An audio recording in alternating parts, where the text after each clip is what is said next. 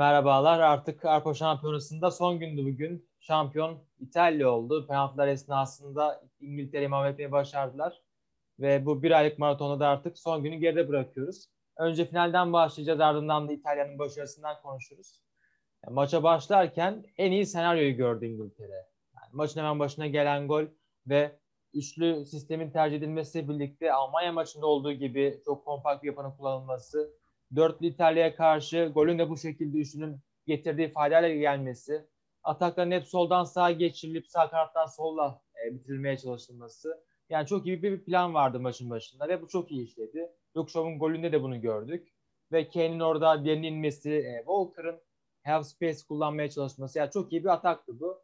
Ve ilk yarıda çok iyi İngiltere vardı. Yani ilk yarıda başlarsak e, sen de bahsettin bundan. Maç esnasında konuşuyorduk. Declan Rice'ın, Calvin Phillips'in inanılmaz bir performansı vardı. Yani beşli defans arkada var ama bu beşlinin bu kadar güzel gözükmesinde, kusursuz gözükmesindeki etken o öndeki oyunculardı. Bu da çok büyük bir fayda sağladı ilk yarıda İngiltere. 5-2-2-1 gibi diziliyordu aslında savunmada. Senin de söylediğin gibi Declan Rice ve Phillips ortada. Onun devamında da bildiğimiz gibi zaten İngiltere şu gerçekten çok önemliydi. Declan Rice'ı biz izlerken Kevin Phillips ilk maçta yine topla bazı şeyler göstermişti bize. Hatta ondan zaten çok bahsedilmişti. Maçın da yıldızı olmuştu ama Declan Rice'ın bu kadar ben topla iyi olduğu, arasının iyi olduğu bir milli takım performansı hatırlamıyorum. En fazla çalım atan oyuncu oldu. Hem kendi takım adına hem de sahanın da en fazla çalım atan oyuncusuydu. Senin de söylediğin gibi İngiltere yani hep biz İngiltere'den bahsederken geriye düşmek isteyeceğiniz son takım diyorduk. Çünkü zaten kapalı oyuna kapalı oyun anlayışına sahiplerdi. E, bir de 1-0 önde olduklarında gerçekten yani çok keyif kaçırıcı oluyor onları. İzlemek de çok keyif kaçırıcı oluyor bu arada. Orada söylemek gerekiyor. Oynamayı tahmin daha edemiyorum. Ama çok fazla yaslandılar. İtalya bir şekilde Chiesa'nın özellikle sola geçmesi ve Berardi'nin girmesiyle bir şekilde çözdüler. Golü golün geldiği kornerde Chiesa'nın ortasının devamında geldi zaten. Insigne yükseldi, vuramadı, kornere çıktı, devamında gol geldi. Ben İtalya'nın problem yaşayacağını düşünüyordum. 1-0'ı çünkü söylediğim gibi çok zor yani İtalya karşı oynamak. Ama bir şekilde üstüne üstüne e, üstüne çıktılar yani normalde gösterdikleri performansın. Çok ufak istatistiklerden de bahsetmek gerekirse İngiltere her alanda gerideydi. Pas isabet oranları mesela %75. Çok düşük bu şutlarda da oldukça gerideler. İngiltere sanırım 6 şut çekebildi sadece 120 dakika içinde. İtalya'nın çektiği şut sayısı ise 20. Yani bir de şundan da bahsetmek gerekiyor kesinlikle. Southgate sen hep söylüyordun yani böyle kapalı bir oyun tarzına sahip ama kazanırsa eğer efsane evet, olacak evet, diyordun evet. sen hep. Ben de kesinlikle kabul ediyordum. Bu doğruydu turnuvanın sonuna öyle bir imzasını attı ki son dakika yaptı. O kadar kötü bir imza attı ki. Yani gerçekten çok kötü şeyler yazılıp çizilecektir onun hakkında. Hem bu iki oyuncuyu turnuva boyunca hiç oynatmaması çok konuşuldu. Son 110 119. dakikanın içinde bu iki oyuncu sahaya attı. İki oyuncuya penaltı kurta, kullandırdı ve bu iki oyuncu da penaltıyı kaçırdı. Yani ya benim içimi yağları. E ben şuna da çok şaşırdım. Son penaltıyı Saka atıyor. Saka hayatında 3 penaltı kullanmış. İkisini gol atmış, birini kaçırmış. Attığı son gol de 2 sene önce FA Cup maçı. Yani Saka zaten 19 yaşında. İlk kez böyle bir sahnede final maçında 5. penaltıyı onu attırıyorsunuz. İnanılır gibi değil. Ve dediğin gibi yani Rashford ve Sancho'yu normalde kullanmanız gerekiyor. Yani penaltı için giriyorsa bu oyuncular çok mantıklı değildir bu. Doğru bir tercih değildir. Ve Grealish de zaten çok geç girdi oyuna. Yani Grealish'in eski performansına bakınca bu maçta gitmeyen e, sistemden dolayı 75'te 80'de en geç gelmesini bekleriz. Yine hoca 95'leri bekledi. 97'de aldı oyuna ve yani top onu her geldiğinde yine etki ettiğini gördük. Hareketlendirdi takımını. Yani yine çok kötü bir Gareth Southgate tercih gördük son bölümde. Ya şey çok ilginç bence. Yani Grealish'i öyle anda atıyor ki sahaya. Zaten vakit rakip yani, yani genelde uzatmalar. Aynen hem vakit kalmıyor hem de maç bu kadar zaten uzamışken rakip takım tamamen koruma içgüdüsüyle hareket ediyor. Yani Grealish'in bulabildiği alanlar gerçekten çok çok çok dar. Bu alanlarda bile senin söylediğin gibi tehlike yaratabiliyor, etkili olabiliyor. Ama daha geniş alan bulması gerekiyor ki bu oyuncunun yaratıcılığını tamamen sahaya aktarabilsin, asist yapabilsin ya da gol atabilsin. Ama Southgate buna hiç müsaade etmedi. Kane'i çok iyi kullandı yine. Gol de bu şekilde geldi. Kane geriye çıktı. Onun boşalttığı yere girdi oyuncular. Bunu bir daha gördük ilk yarının sonunda. Ama ikinci yarıda bunu da hiç uygulayamadılar. Yani bu planı bolca gördük biz uygulandığının. Kane'in geriye gelmesini. Liverpool'a ağrı hücumlar o kadar e, işleyemediler gibi geldi bana Kane'in. Tamam Kane çok az cihaz hasta topla buluşuyordu geçmiş maçlarda. Ama bugün ekstra kötüydü. Yani e, 120 dakika galiba sıfır e, rakip cihaz sahasında topla buluşması. Hiçbir şekilde net pozisyona giremedi. Sterling'le beraber toplayıp baktım. 105 dakika sonra 4'tü sadece. 75 topun yani topla buluşmanın sadece 4'ünü e, rakip cihaz sahasına gerçekleştirmiş durumdalardı. Elbette saatte 9 rolünü iyi oynuyordu Kane ama bu maçta e, tabii ki golün etkisine vardı ama büyük bölümünde oyunun oldukça pasif gözüktü. Yani dediğin gibi e, ve şöyle deriz. Grealish çok geç alınıyor oyuna ama şöyle düşünebiliriz. Her şey yolunda gider. Gol bir türlü gelmez. Baskıya attırırsınız ama sabredersiniz. Bu şekilde Grealish'i geç alabilirsiniz. Kimse bir şey söylemez. Ama İtalya her geçen gün kontrolü aldı. Her geçen dakika baskı yükseltti. 60'tan sonra hiç oyunda yoktu İngiltere. İkinci yarının başına itibaren tamamen zaten sürklas olmuşlardı. Ama Grealish'in bu kadar geç girmesi yani bile bile lades oldu. Ki zaten ikinci yarı dörtlü defansa geçti İngiltere.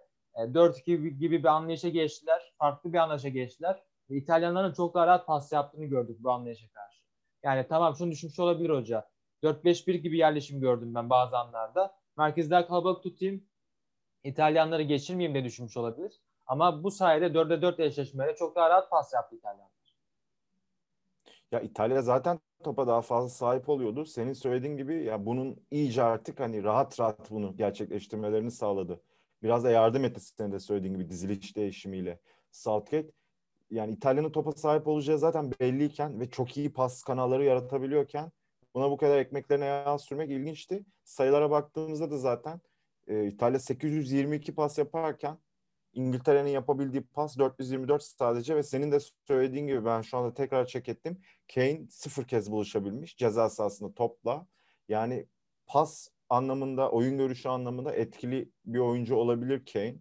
Ama Kane'in en iyi yaptığı şey bitirmek. Bak, yani çok güzel bir en örnek iyi yaptığı ikinci ya ya grubun Tabii. önceki maçlarında şöyle oluyordu. E, Sterling ve Kane ceza sahasında topla buluşamıyorsa kim vardı burada sahneye çıkan? Saka oluyordu. Mutlaka takım ileri taşıyan isim oluyordu Saka eski maçlarda. Yani Mason Mount'tan bence o katkıyı biz bugün göremedik. Ya Mason Mount zaten bu şekilde değil daha merkeze yakın soldan daha içeriye giren ya da daha fazla top kullanan daha fazla sorumluluk alan rollerde oynadığında etkili olabilen bir oyuncu. Yani Saka'nın yaptığını Mount'tan beklemek zaten çok mantıklı ve rasyonel bir şey değil ki zaten yapamaz. İki, çok iki farklı oyuncu. Biri kanat orijini çünkü. Mount tam olarak kenarda oynadığı oluyor ama kanat oyuncusu olarak tanımlayamayız Mason Mount'u. Ya Southgate gerçekten yani nasıl başında gol yememesiyle imza attıysa turnuvaya sonunda da batırmasıyla imza attı. Ama ben yani... gerçekten memnunum. Çünkü çok yani hiç keyif almadım ben İngiltere maçlarından. Bazı kısa sekanslar haricinde hiç keyif almadım. Kimsenin de aldığını düşünmüyorum ben yani. Ben de öyle bugün çok e, gerçekten zorlayıcı bir final oldu bizleri. Hatta şöyle maçın başına artık gol olunca seviniriz. Daha fazla gol gelmesini biraz e, önünü açmış olur ama İngiltere takımıysanız tamamen maç gelişiniz kesiliyor. Daha da defans yapmaya başlıyorsunuz. Ya dediğin gibi iki farklı çok farklı bir oyuncu bu iki isimde Mount ve Saka. Ya ben acaba dedim Saka'ya başlayıp eski sistemdeki düzendeki gibi Saka'ya başlayıp farklı ameliyat daha iyi olabilir miydi sanki? Bence olabilirdi.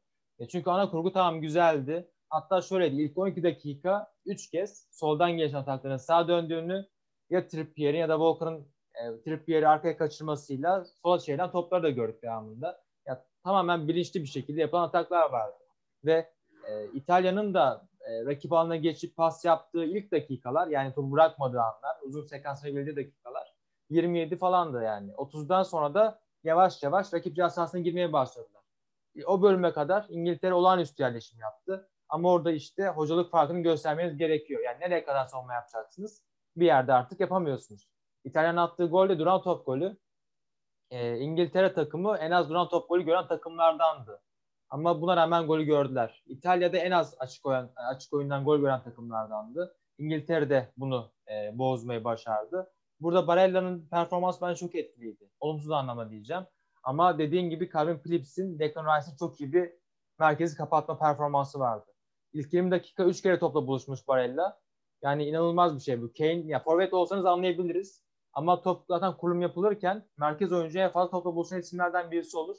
Siz sadece üç kere do- topa dokunuyorsunuz. Bu da işine kadar iyi yapıldığını gösteriyordu kurgunun ve şuna çok dikkat ettim.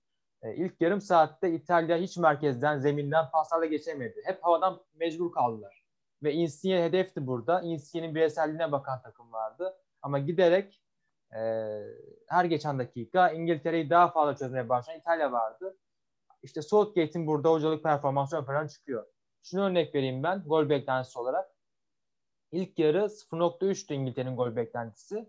Maç bittiğinde 0.49 90 dakika sonunda. İtalya'nın 0.26 idi. İlk yarı, ikinci yarı maç bittiğinde 2 idi.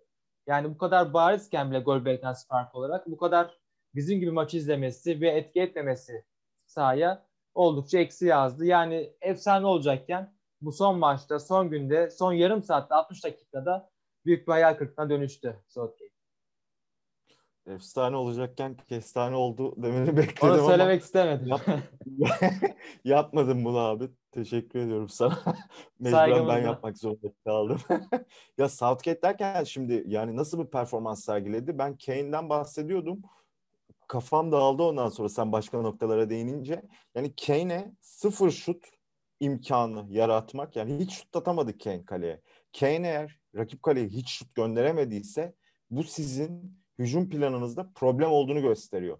Çünkü diğer oyuncularınızın atacağı şutlar ekstra olabilir. Ya da Kane'i geride de kullanıyor olabilirsiniz. Ama Kane'i pas opsiyonu ya da pas istasyonu olarak kullanmanız onu sadece o rolde kullanabileceğiniz anlamına gelmiyor. Yani 20 dakika 30 dakikalık sekanslarda bunu yaparsınız. Devamında Kane'e pozisyon hazırlayabilirsiniz. Kane'i çok geriye hapsetmek bence oyuncuya da haksızlık. Yani en iyi yapabildiği şeyi yaptırmak varken en iyi yapabildiği ikinci, üçüncü şeyi yaptırmaya çalışıyorsunuz. Oyuncunun da ben çok mutlu olduğunu düşünmüyorum. Çünkü öyle ya da böyle santrfor oyuncusu bu oyuncu. Ve yaptığı şey de İyi 50 seviyede en iyi yapan isimlerden birisi. Yani sıradan bir golcü değil bu adam. En iyilerden birisi. Ve e, dediğin gibi 20-30 dakikalık bölümlerde yapılabilir elbette. Ama sizin B planınızda, C planınızda Kane'in yeri farklı olması lazım. Yani Kane turnuva boyunca saatte 9 oynadı neredeyse. Her bu, bu istendi. E, bu kadar farklı e, sayıda şahstan ziyade tek bir plana ana, e, kalınca, sadece A planında kalınca Kane'i kaybediyorsunuz. Çok eleştiri turnuva boyunca. Ama herkes biliyor ki bu Southgate sebebiyle gerçekleşen bir şey. E, diğer tarafta ise artık yavaş yavaş İtalya'nın şampiyonluğunu konuşuyoruz. Çok fazla İngiltere'yi yerden yere vurduk. Maalesef hak Evet. Ama yani şöyle bir durum da var. E, İngiltere e, herkesin tepkisini çekti bu turnuvada. Çünkü uyguladıkları protokoller bugün çok fazla İtalyanlara karşı tepkileri. Önceki maçlarda ıslıklamalar maçlara. 7 maçın altısının İngiltere'de oynanması İngiltere'nin maçlarında. Yani her şey aslında İngiltere'nin mutlu olması için kurgulanmış bir şekilde ilerledi. Bundan sonra bir daha böyle bir düzen olmayacak dedi UEFA. Ee, İngiltere'de şampiyon olamadığı için uzun yıllar olamayacak gibi gözüküyorlar. İtalya'da gerçekten çok büyük iş başardı. Masi'nin gözyaşlarını gördük sondaki düdük sonrasında. Yani siz Spinazzola'yı kaybetmişsiniz. Bugün Jorginho sakatlık geçirdi. Barella çok kötü performans ortaya koydu. Yani hiç oynatmadılar. Çok fazla sorunlar yaşadınız. Emerson bence hiç iyi bir bek değil. Ortalama bir bek. Arkasına çok adam kaçırıyor ama yine de onu e, güzel bir şekilde absorbe etmeyi başardınız. Yani gerçekten İtalya için çok güzel bir turnuva performansı gördük. Her ne kadar ana planları bozulsa bile e, bundan hiç gocunmadılar, hiç sorun yaşamadılar. Yaşadılar tabii ki İspanya'ya karşı olsun, İngiltere'ye karşı olsun ama dönmeyi de başardılar. Günün sonunda da şampiyonun sonunda şampiyonluk geldi. 68'den sonraki ilk şampiyonluk bu. O zamanlar da turnuvalar gerçekten çok kalitesizdi. Dört takım katılıyor zaten. Ondan bahsedeyim. Yarı finalde e, hava atışıyla geçiyorsunuz final maçına. Yani yazı turayla tur atlıyorsunuz. Final maçında tekrar maç oluyor uzatmaya gitmesi yerine. E, yani böyle değişik bir turnuvaydı. Bence en değerli şampiyonluk da bu olacaktı. Avrupa Şampiyonası tarihinde. Bunda başardılar. Çok büyük bir iş başardı. Emerson bence bugün kendi performansına göre, kendi kalitesine göre iyi bir maç çıkardı. Top kaybını az yaptı. Topla buluştu, olumlu kullandı pas kanallarını. Bir de şöyle bir sıkıntı yaratıyor aslında Emerson'un oynaması. Ee, Spinazzola oynarken half space'e Spinazzola'yı geçirip Insigne'yi çizgiye atarak onun orada topla buluşmasını, içeriye sonra kat edip defansın dengesini bozmasını ya da orta açmasını kullanıyordu. Ama bunu Emerson'la yapamıyorsunuz. Çünkü Emerson çizgide etkili olabiliyor zaman zaman ama iç koridora geçtiğinde sudan çıkmış balığa dönüyor. Bunu biraz denediler. Insigne'nin de performansı düşmüş oldu. Çünkü Insigne kenarda topla buluştuğunda ona alanı açacak oyuncu iç koridora geçtiği için Spinazzola oluyordu. Bu maçta Emerson oldu. Ama Emerson'a koridorları açamayınca Insigne çok fazla top ezme. Yani ezmek zorunda kaldı bence. Insigne ilk yarının sonunda olumsuz olarak bahsediliyordu. Birçok kişi yazdı ya da konuştu. Kendi aralarında da konuşmuştu muhtemelen. Ama, Ama onun bir suçu yok. Biraz da buna iten yani evet hiç suçu yoktu da demek olmaz tabii. Ama zorunda kaldı çok fazla top kullanmaya. Çünkü boşluk bulamamıştı.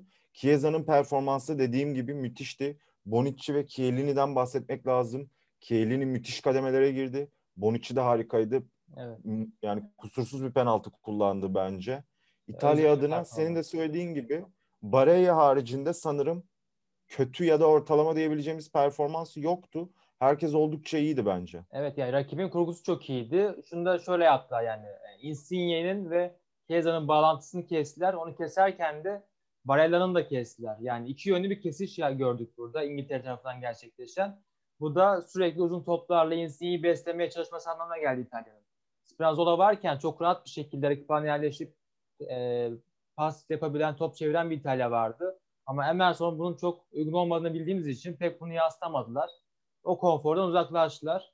Ama buna rağmen de çok iyi getirdiler bu duruma kadar. Belçika maçını kazanmayı başardılar. E, son bölümdeki o baskıyı emme performansı muhteşemdi. Ondan çok bahsettik seninle. İspanya'ya karşı belki maç penaltılara gitti. Ama gayet iyi bir performans vardı İtalya'dan. Yani gol beklense belki biraz zorlandılar ama çok zor bir testti bu karşılaşma. Onun üstesinden gelmeyi başarmışlardı. Avusturya maçı yine zor bir maçtı. Uzatmaya gittiler. E, ama yine bir Mahsin dokunuşu görmüştük. Chiesa'nın çok iyi performansı ortaya çıkmıştı. Bugün de Chiesa sakatlandı. Son bölümlerde oynayamadı ikinci yarın e, ve uzatmalarda. Ona rağmen çok iyi bir İtalya gördük. Maçı da almayı başardılar o yönde. Ve penaltılarda çok soğukkanlılardı. Yani belki geriye düştüler penaltılarda. E, Belotti kaçırdıktan sonra. Ama buna rağmen hiçbir şekilde oyundan düşmediler. Yani İngiltere'de oynuyorsunuz maçı. Penaltıya gitmiş. Penaltılarda geriye düşmüşsünüz. Her şey dezavantaj. Ama buna rağmen oradan gelip yine kazanmayı başarıyorsunuz. Ve çok büyük başarı. Tarih yazmayı başardı İtalya. Favorilerden birisiydi turnuva başında. Ee, ama bu performans oldukça etkileyiciydi. Yani sonuna kadar hak edilmiş bir şampiyonluk oldu. Bir de şöyle bir nokta da var. İtalya aslına bakarsan turnuvaya girilirken yani hiçbir performansı izlememişken biz ya da diğerleri favori olarak bahsedilmiyordu aslında İtalya'dan. Yani tabii ki iyi bir takımdı. Kadrosu genişti ama Fransa ve İngiltere daha ağır basıyordu insanların gözünde. Ama ne zaman ki futbol sahaya döndü, tahminler bırakıldı. Ondan sonra İtalya sürekli favori olarak bahsedilmeye başlandı. Gittikçe Avusturya maçını bir kenara ayırırsak da zaten her zaman İspanya maçını da söylemek gerekiyor. Onun dışında genel olarak iyi bir performansları vardı. Finalde bunu yapabilmek yani mental olarak da çok iyi durdu İtalya. Bundan da bahsetmek gerekiyor. İngiltere'ye karşı senin de söylediğin gibi Wembley'de bu şekilde 1-0 geride başlamışken maça penaltıda da geriye düştünüz. Ama bir şekilde çözdüler. Ya İtalya her anlamda hak etti. Herhalde yaptıkları en büyük hata bu maçta ilk golü yerken Di Lorenzo yani İtalya savunması aslına bakarken Luke Shaw demarke kalırken İtalya savunması Di Lorenzo başta olmak üzere sadece topa bakıyordu sadece topa baktıkları için Demarke pozisyonda kaldı Luke Shaw ve bitirdi. Onun haricinde de ben aslına bakarsan net gözle görülür de bir hata yaptıklarını görmedim açıkçası. Bence kusursuza yakındı İtalya genel anlamda. Evet yani mesela buraya e, onda onunla gelmişlerdi eleme turlarında ama Litvanya gibi düşük seviye takımlarla oynuyorlardı ve turnuva öncesindeki izlediğimiz maçlarda şunu görüyorduk. İtalya'nın ön alan preslerinde rakipler pres yaptığında sorun yaşadığını görüyorduk. O yüzden çok soru işaretleri vardı. Ama turnuvaya girdikten beri her gün her geçen maç seviye yükselten takım vardı. İngiltere ise her oynadığı maçtan sonra biraz da eleştirildi. Yani turnuvanın farkı bu oldu. Bir taraf giderek yükselen bir ivme. İspanya gibi, İtalya gibi. Diğer tarafta her maç daha fazla acaba dedirten bir İngiltere. Yani buraya kadar gelmeye de bile çok büyük başarı gibi gözüküyor. Yani senin, seninle konuşuyorduk her zaman. Danimarka gelmesi, Ukrayna gelmesi çok büyük bir şanstı İngiltere için. Tabii ki Almanya'ya karşı falan çok iyi performanslar vardı. Ama bu da bir gerçek. Yani Fransa gelse mesela gruplar sonrasında bu noktayı göremeyebilirdi İngiltere. E, bundan büyük bir şans da gelemezdi onun arasından. Yani İtalya'nın çok büyük bir iş başardığını söylemek gerekiyor. Az önce bahsettiğimiz gibi. ve e, gerçekten de tarihe geçen performans oldu. Gruplarda da hiç gol görmediler. Çok az gol beklentisi verdiler. Çok iyi performans sergilemiş oldular. Sanıyorum 34 maç oldu kaybetmeyeli. E, dünya tarihine doğru geçme ilerliyorlar. O yüzden de çok değerli bir şampiyonluk oldu. 20 20 programdan fazla yaptı sonra 21. program olması lazım. Çok iyi bir şekilde turnuvayı kapattığımızı düşünüyoruz. E, bundan sonraki bölümlerde yani yeni sezonda Şampiyonlar Ligi'nde birlikte olacağız. Süper Lig programları yapmaya çalışacağız. Yeni sezonda da birlikte olacağımızı umuyoruz. E, izleyenlere, dinleyenlere, turnuva boyunca destek verenlere teşekkür ediyoruz. E, Hoşçakalın. Görüşmek üzere. İyi akşamlar. Teşekkür ediyorum ben de. Görüşmek üzere. İyi geceler.